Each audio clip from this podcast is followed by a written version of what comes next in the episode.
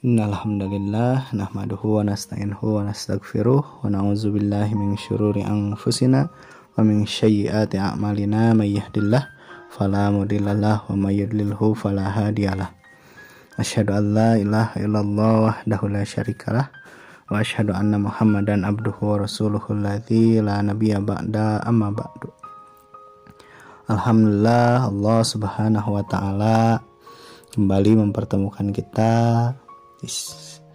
di hari ke-22. Satu hal yang selalu perlu kita ingat perlu kita tanamkan dalam hati kita dalam pikiran kita bahwa kenikmatan-kenikmatan yang Allah berikan ini adalah hadiah dari Allah yang terus perlu kita syukuri dengan berbagai kebaikan yang kita lakukan, yang kita usahakan dengan semaksimal mungkin ya. Baik anak-anak, begitu banyak hal yang Allah ajarkan kepada kita semua melalui ayat-ayat Al-Quran, melalui kisah-kisah yang ada di balik ayat-ayat tersebut. Sampai hari ini kurang lebih sudah ada ya 20 cerita atau kurang ya karena ada beberapa yang isinya ceramah. Ya, sudah ada begitu banyak cerita yang telah Bapak sampaikan, yang telah Bapak kisahkan, Bapak bacakan. Dan dari semua kisah-kisah tersebut tentu banyak sekali pelajaran berharga yang perlu kita terus usahakan untuk kita teladani kebaikannya, untuk kita jauhi keburukan-keburukannya. Dan di kesempatan kali ini Bapak ingin bercerita sebuah kisah ya. Yang ini nanti senada sama dengan apa yang disampaikan oleh Allah Subhanahu wa taala di surat Yunus surat ke-10 ayat 57. Dan ini masih berkaitan dengan fungsi Al-Qur'an dengan apa sih Al-Quran itu untuk kita semua? Nah, di ayat ini Allah Subhanahu wa taala berfirman, "A'udzubillahi. Ya ayuhan nas, qad ja'atkum mau'izatum mir rabbikum wa lima fis sudur wa hudaw wa rahmah lil mu'minin." Nah, di ayat 57 surat Yunus ini Allah Subhanahu wa taala memberitahu kita semua, bukan hanya orang Islam, tapi seluruh manusia. Wahai manusia, kata Allah, sungguh telah datang kepadamu pelajaran yaitu Al-Qur'an dari Tuhanmu. Ia penyembuh bagi penyakit yang ada di dalam dada kita, penyakit hati, wahuda warahmah lil mu'minin wahuda warahmatul lil mu'minin. Ia juga petunjuk serta rahmat bagi orang-orang yang beriman. Ada begitu banyak dokter-dokter di luar negeri sana yang sudah mencoba sebuah terapi untuk berbagai penyakit, tidak hanya penyakit stres ya, atau dikatakan penyakit hati, dengki ya yang begitu-begitu. Tapi juga beberapa sudah mencoba untuk penyakit-penyakit fisik. Dan banyak yang sudah menceritakan ada efek-efek yang dirasakan oleh orang-orang tersebut. Karena kadang penyakit itu awalnya dari hati, dari pikiran yang tidak tenang, dari hati yang tidak ikhlas, dari hati yang tidak khusyuk dari hati yang terlalu lelah dengan apa-apa yang tidak ia dapatkan dari dunia.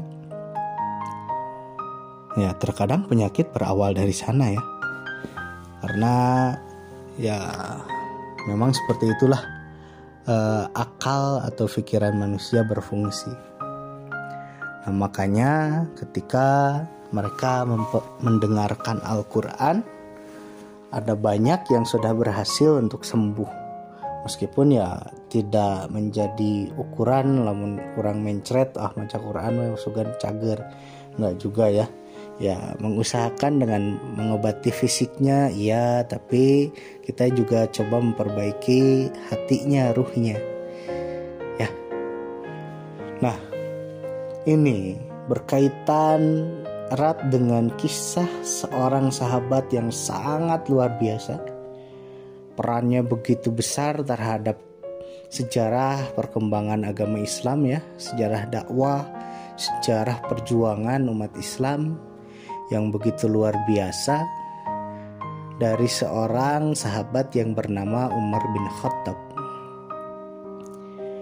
Pernah dalam sebuah hadis Rasulullah Shallallahu Alaihi Wasallam ini pernah berdoa ya, yang disampaikan oleh Ibnu Umar anaknya ini berarti beliau pernah e, menerima sebuah cerita tentang doa Rasul ini ya. Rasulullah Shallallahu Alaihi Wasallam pernah berdoa yang kira-kira artinya seperti ini ya.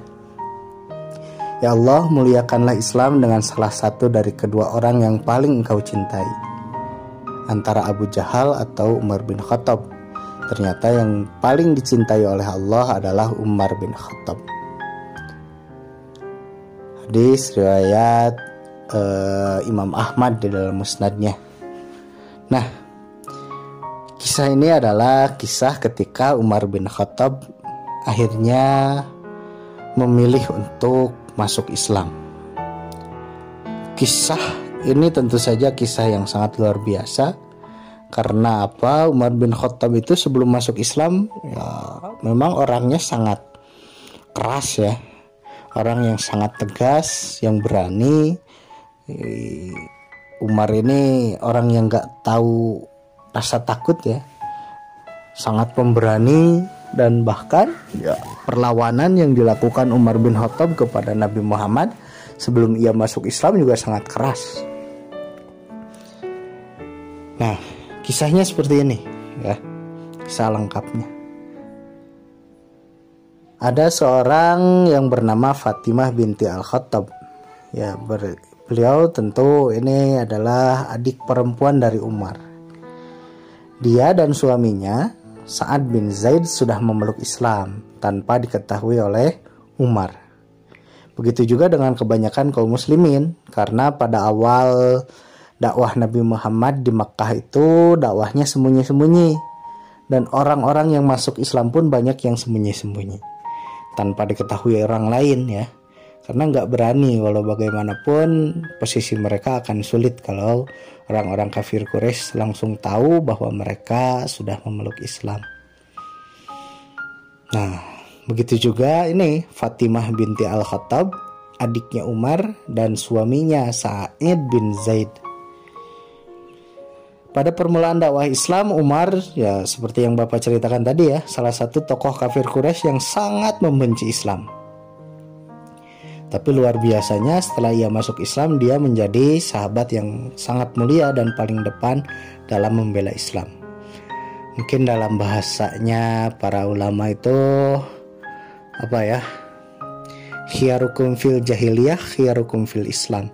Orang yang terbaik di zaman jahiliyah ketika mereka bertobat, nah, mereka menjadi orang yang terbaik di dalam Islam. Nah, di antaranya ini Umar bin Khattab ya, orang yang sangat ditakuti, sangat dihormati di kalangan orang-orang kafir Quraisy. Ketika masuk Islam pun menjadi orang yang paling berpengaruh dalam Islam. Makanya tidak salah kalau misalnya kita melihat orang lain ternyata dia seorang Nasrani tapi hebat ya kepribadiannya dihormati sikapnya bagus gitu kan. Uh, bersahaja uh, karirnya sukses misalnya. Kemudian kita mendoakan dia supaya masuk Islam mendapatkan hidayah dari Allah Subhanahu Wa Taala. Nah, itu adalah satu hal yang pernah dilakukan oleh Nabi Muhammad Shallallahu Alaihi Wasallam. Teman kita pintar, hanya kal cina lain Islam. Lah kita doakan. Mudah-mudahan saja Allah memberikan hidayah. Karena hidayah itu bukan urusan kita ya tapi urusan Allah. Kalau Allah sudah membukakan hati seseorang orang yang paling jahat pun menjadi orang yang paling baik. Inilah kisah Umar bin Khattab ya. Lanjutkan kisahnya. Pada satu hari Umar sebelum masuk Islam ia pernah keluar membawa sebilah pedang dengan maksud untuk membunuh Rasul. Dia tahu bahwa Rasulullah sedang berkumpul dengan para sahabatnya yang berjumlah sekitar 40 orang di sebuah rumah di dekat Bukit Sofa. Di tengah perjalanan, ya, ini Nuaim bin Abdullah berjumpa dengan Umar yang menghunus pedang. Lantas ia bertanya, hendak pergi ke mana engkau wahai Umar? Apa jawaban Umar? Aku ingin membunuh Muhammad. Dia telah memecah belah bangsa Quraisy, mencela Tuhan-Tuhannya dan juga menghina agamanya. Jawab Umar waktu itu. Tapi Nu'em ini malah malah berkata seperti ini. Hei Umar, lihatlah keluargamu. Adikmu Fatimah beserta suaminya itu sudah masuk Islam dan menjadi pengikutnya Muhammad. Lantas saja pasti Umar marah. Wah, dikejar sama Umar ini langsung berbalik menuju rumah adiknya. Yang tadinya dia mau membunuh Nabi Muhammad di dekat Bukit Sofa di sebuah rumah. Akhirnya dia berbalik menuju ke rumah adiknya dan di sana ternyata ada Khabab bin Al-Arad yang sedang membacakan surat Toha dalam sebuah lembaran untuk Fatimah dan suaminya. Mendengar ada tanda-tanda Umar datang, mereka bersembunyi. Fatimah dengan cekatan menyembunyikan lembaran surat itu di bawah pahanya. Umar bertanya tentang apa yang dia dengar tadi. Adiknya menjawab bahwa mungkin dia salah dengar, kata Fatimah, karena takut kan. Umar membentaknya dengan sangat keras. Umar kesal dan memukul adiknya. Fatimah berdiri dan dia terkena pukulan Umar sampai berdarah. Ya, kata Fatimah, kami sudah masuk Islam. Kami beriman kepada Allah dan Rasulnya. Lakukanlah apa saja yang kamu kehendaki. Sok cenrek naon. Saya betul, betul saya sudah masuk Islam. Saya dan suami saya sudah masuk Islam. Nangtang ini Fatimah. Melihat adiknya berdarah, Umar menyesal telah memukulnya. Dia meminta adiknya untuk memberikan lembaran Al-Quran yang tadi dibacanya. Awalnya tentu saja Fatimah tidak mau ya. Tidak diberikan oleh Fatimah kepada Umar. Namun karena dia bersumpah dengan nama Tuhannya tidak akan merusaknya, akhirnya Fatimah memberikannya kepada Umar. Itu pun setelah Umar menuruti permintaan adiknya untuk mandi terlebih dahulu. Karena jelas dia najis dari kemusyrikannya. orang musyrik itu najis ya makanya nggak boleh masuk ke masjid nah, itu hukum yang sudah Allah Subhanahu Wa Taala tentukan untuk kita semua. Mandilah Umar ini ya. Ketika Umar membaca ayat pertama Toha tiba-tiba Umar bergetar. Hatinya terasa lapang dia berseru alangkah indah dan mulianya kalam ini Mendengar itu, Khobab keluar dari persembunyiannya. Dia berkata bahwa Allah sudah menghusukkan dia dengan doa Rasul untuk mengislahamkan satu dari Umaroin. Umar pun bertanya tentang keberadaan Rasul kepada Khobab. Umaroin itu yang tadi ya, antara Umar bin Khattab atau Abu Jahal. Abu Jahal itu nama aslinya Umar juga. Umar bin siapa bapak lupa ya. Mungkin nanti anak-anak boleh cari di internet ya, nama asli Abu Jahal. ya dimanfaatkan internetnya untuk hal-hal yang bermanfaat ya. Jangan cuma dipakai main game. Oke dia akan menyatakan diri masuk Islam di hadapan Rasul. Umar bertanya tentang keberadaan Rasul dengan maksud bahwa Umar mau menyatakan keislaman di hadapan Rasulullah mau bersyahadat. Umar pun mengetuk pintu tempat Rasul sambil memegang pedang Sebagian orang mengintip dari celah pintu dan betapa kaget ketika melihat yang datang adalah Umar. Umar datang nenteng pedang lagi. Wah, jangan-jangan ini Umar bukan mau masuk Islam. Ya kan gitu sangkaannya. Saat itu ada Hamzah paman Rasul yang sudah lebih dulu masuk Islam. Dan juga beberapa sahabat lainnya. Hamzah menyarankan supaya Umar dipersilahkan masuk jika dia bermaksud buruk, maka mereka akan membunuhnya dengan pedang Umar. Rasul pun mengizinkan Umar masuk. Ketika Umar masuk, Rasulullah tiba-tiba bangkit dari duduknya dan kemudian menarik kerah baju Umar sambil berkata, "Ada apa Ibnu Khattab? Demi Allah, aku tidak melihatmu akan berhenti memusuhi kami sampai Allah mendatangkan kiamat." Tapi apa ternyata jawaban Umar, "Aku datang kepadamu wahai Rasulullah untuk beriman kepada Allah dan Rasulnya dan dengan apa yang dia bawa." Jawaban Umar waktu itu tentu membuat Rasul sangat bahagia. Rasulullah bertakbir, lalu bertakbirlah semua orang yang berada di sana. Saat itulah Umar mengucapkan dua kalimat syahadat, tanda diri dia sudah masuk Islam. Dan ini adalah satu hal yang sangat luar biasa. Doa Rasul didengar oleh Allah dan betul Allah menghadiahkan keimanan kepada Umar bin Khattab hanya karena sebuah ayat dari satu satu paket Al-Quran ini. Hanya satu ayat yang membuat hati Umar bin Khattab menjadi tergetar dan akhirnya ia memutuskan untuk menjadi seorang pengikut Rasulullah Sallallahu Alaihi Wasallam. Dan memang Al-Quran ini akan menjadi obat untuk setiap penyakit hati. Sekeras apa pun penyakit tersebut, penyakit kekafiran tentu saja penyakit yang paling parah ya dari penyakit hati manusia. Tapi kalau sudah Allah izinkan, sudah ditakdirkan oleh Allah, ya hatinya akan sembuh juga. Dan Umar adalah salah satu contoh yang paling nyata. Dan hidayah dari Allah bisa datang kapan saja.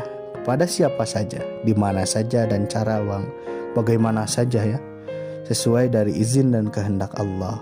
Mungkin anak-anak pernah mendengar beberapa tahun belakangan ya, entah tiga atau empat tahun ke belakang. Itu pernah ada seorang mualaf yang ia masuk Islam hanya karena iklan di televisi ya menonton iklan di televisi wah kayaknya enak jadi orang Islam itu. Akhirnya dia belajar ya mempelajari bertanya-tanya kepada orang lain tentang agama Islam. Setelah dipelajari ternyata wah luar biasa agama Islam ini. Dan akhirnya mereka masuk Islam.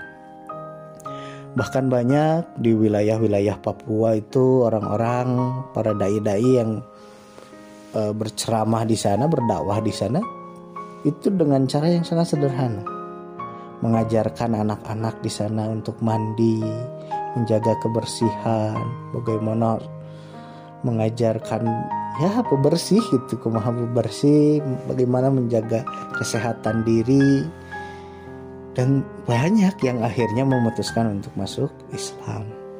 Jadi itulah hidayah Allah. Saya kapan saja, pada siapa saja, kita tidak perlu menghina orang-orang yang sekarang mungkin keimanannya berbeda dengan kita. Tapi yang perlu kita lakukan adalah kita berjuang untuk menjadi yang lebih baik setiap harinya dan kita pun kalau perlu mendoakan supaya orang-orang tersebut, orang-orang yang bukan Islam itu ya, kita doakan supaya mereka mau masuk Islam, mendapatkan hidayah dari Allah Subhanahu wa taala dan inilah yang akan membuat Islam semakin dihormati. Bukan satu hal yang apa ya? memalukan ketika kita mendoakan orang lain, apalagi orangnya orang hebat, orang pintar, orang yang disegani, tapi dia misalnya non muslim kita doakan, gak apa-apa Nah, itulah yang dilakukan oleh Rasulullah dan kisah Umar bin Khattab ini menjadi satu hal yang sangat penting untuk kita uh, apa? Untuk kita dengar, untuk kita amalkan betapa hati kita pun akan menjadi baik jika kita lebih sering lagi berinteraksi dengan Al-Qur'an, kita membaca Al-Qur'an apalagi dengan artinya kalau nggak ngerti maksudnya kita bertanya kepada orang tua kita, kepada guru ngaji kita ya itulah yang akan membuat hati menjadi baik ya. Baik. Uh, itu saja yang bisa Bapak ceritakan di uh, di kesempatan kali ini. Mudah-mudahan ada guna dan manfaatnya untuk anak-anak semua. Semoga anak-anak tetap diberikan kesabaran dan juga ketulusan untuk terus bersyukur kepada Allah. Kita gunakan semua kesempatan untuk mencari ilmu, mendapatkan hikmah-hikmah dan kita nanti kelak ketika Ramadan sudah selesai, kita sudah bisa bermetamorfosa ya kalau bahasa IPA-nya. Jadi ibarat ulat ia berpuasa selama beberapa waktu berubah menjadi kepompong tidak makan tidak minum tidak berkegiatan ya selama beberapa saat. Dan akhirnya ulat itu berubah menjadi makhluk yang baru menjadi kupu-kupu yang indah yang asalnya ulat itu menjijikan ya banyak orang yang tidak suka melihat ulat gitu kan? Tapi ketika menjadi kupu-kupu ya terbang apalagi di antara bunga-bunga kan cantik gitu indah. Kita pun akan menjadi indah. Kita akan menjadi manusia yang baik yang enak gitu dilihat. Ya. Inilah kita buat Ramadan ini menjadi kesempatan kita untuk bermetamorfosa untuk berubah menjadi manusia yang lebih baik seperti ulat yang menjadi kupu-kupu. Baik, itu kita tutup dengan doa Rabbana atina fid dunya hasanah wa fil akhirati hasanah wa qina adzabannar. Aku qouli hadza wa astaghfirullah li wa lakum. Wassalamualaikum warahmatullahi wabarakatuh.